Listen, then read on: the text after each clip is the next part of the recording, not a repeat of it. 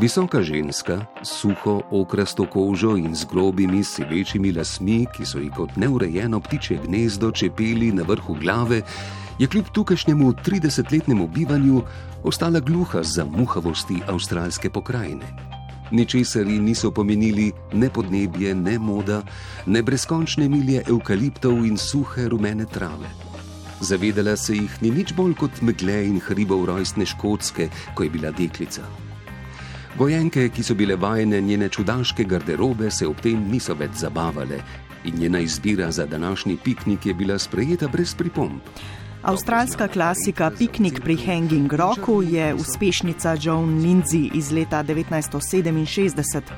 V slovenskem prevodu je roman prvič izšel pred desetletjem. Gre za zgodbo, ko na Valentinovo leta 1900 med piknikom na avstralskem podeželju na starodavnem mističnem kraju staroselskih aboriginov izgine nekaj učenk, ugledne dekliške šole in učiteljica, katere opis ste slišali v prebranem odlomku.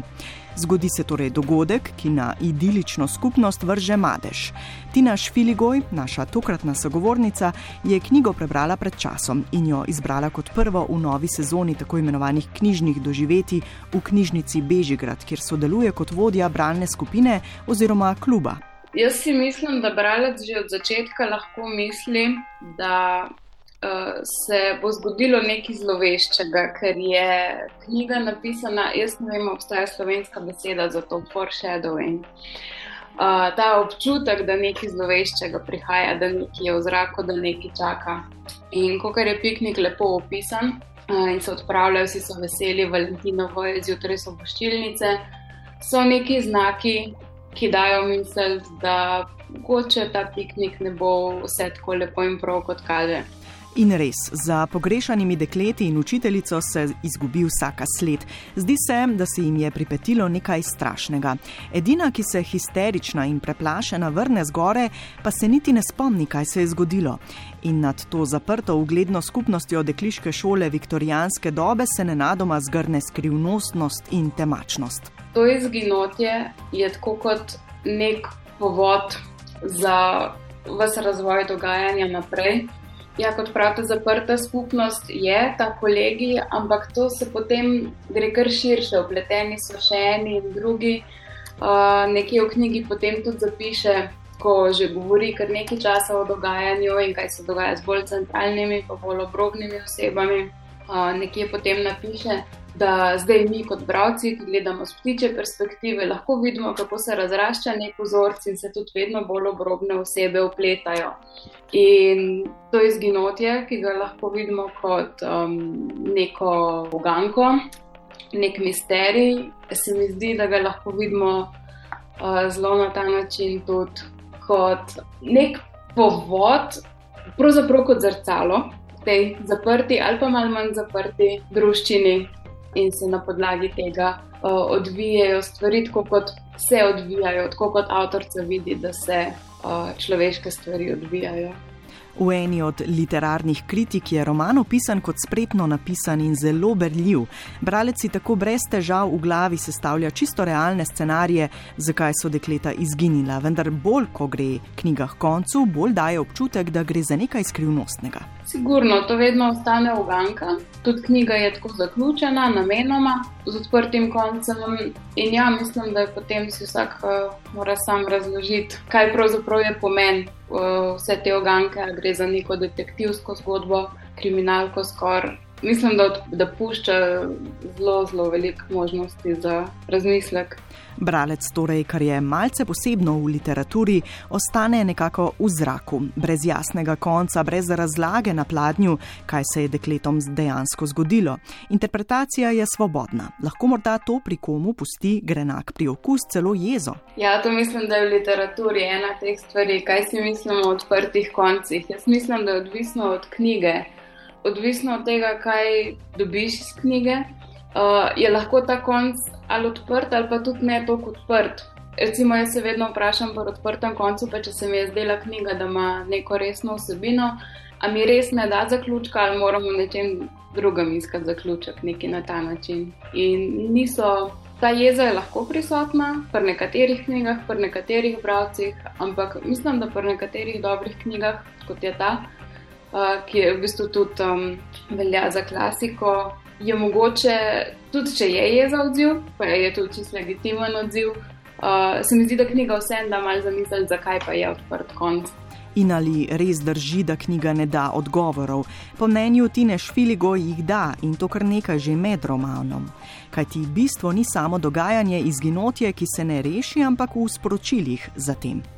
Meni se zdi to ena tistih knjig, ki tako opišajo nekakšno človeštvo. No, mogoče je to malce preveč splošno, pa vsem se mal bolj omeji na nek čas ali pa prostor, recimo zahodni. Ampak meni se zdi, da je ta, kako se reče, dogodek oziroma izginotje uh, na Rocku kot neka taka istočnica, da se izkristalizirajo usode ljudi zelo različnih vrst, recimo vrst oziroma karakterjev.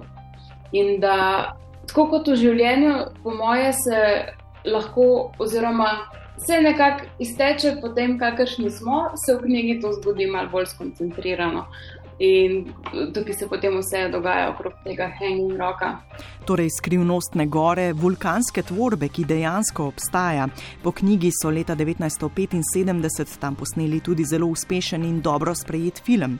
Tudi zato turisti še danes zahajajo ob njeno vznožje in se sprašujejo, če se je to izginotje v preteklosti res zgodilo. In to kljub temu, da gre v nekem smislu že za znanstveno-fantastični roman. Na koncu so štiri osebe zginile, tri dekleta, ena se je vrnila že takoj potem in ena učiteljica. In sem videla v teh osebah, ki so zginile neke skupne lastnosti, ki so mogoče nekaj takšnega, k čemu bi si ljudje prizadevali, bi rekla, kot vrednote naša življenja.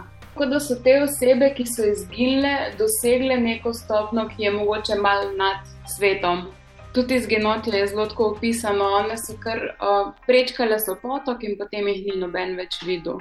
In ta potok so prečkale skoraj malo lebdeče, dejansko so skoraj odlebdele v neznano. Skoraj na nek način, kot nebozetje, je opisano to prečkanje potoka in to mogoče, da meni je dal potem misel, da uh, je to bolj um, simbol za neki ne tok, nek misterij. Knjiga je prvotno obsegala 18 poglavij, vendar je avtorica tisto zadnje poglavje, ki bi bralcu dalo zaključek, za objavo umaknila. Na njeno željo je bilo javnosti razkrito šele po njeni smrti, čež da je roman z odprtim koncem tako ali tako boljši. Vem, da je to, da je bilo zadnje poglavje, uh, zadnje poglavje napisano ampak je, uh, mislim, da v dogovoru z urednico, torej v dogovoru med urednico in avtorico je bilo spuščeno. In potem, ja, kot sem videla, uh, je bilo izdano naknadno to zadnje poglavje. In videla sem ga šele včeraj zvečer, nisem prebrala, sem pa uh, na spletni strani Goodreads pogledala in so bili ljudje jezni. Zato, ker mislim, da je zaključek tega poglavja potem lih v tem smislu, ja, kot neka mal bolj taka simbolna uh, razjasnitev dogajanja. In kot sem videla, so bili odzivi dosti jezni, to sploh ni avtentično, to ni ista avtorica, mi bi radi uh, odgovor na uganko. Torej, spet vse na pladnju, pa ne gre vedno tako. Vsaj pri John Lindsay ne. Večine bralcev ta nadnaravni element, ki mu je bila avtorica že od začetka naklonjena, ne zadovolji.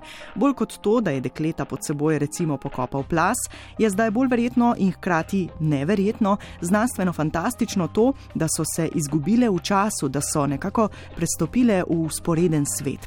Ampak še enkrat, ni važen konec, bistvo je v zgodbi sami. Mislim pa, da je neko splošno mnenje pri tej knjigi, da uh, je vredna večkratnega branja, da nekaj da, ampak mogoče je treba malo razmisliti, malo distance ali pa mogoče še kakšno branje za um, neke odgovore, ki bi nas potem bolj zadovoljili.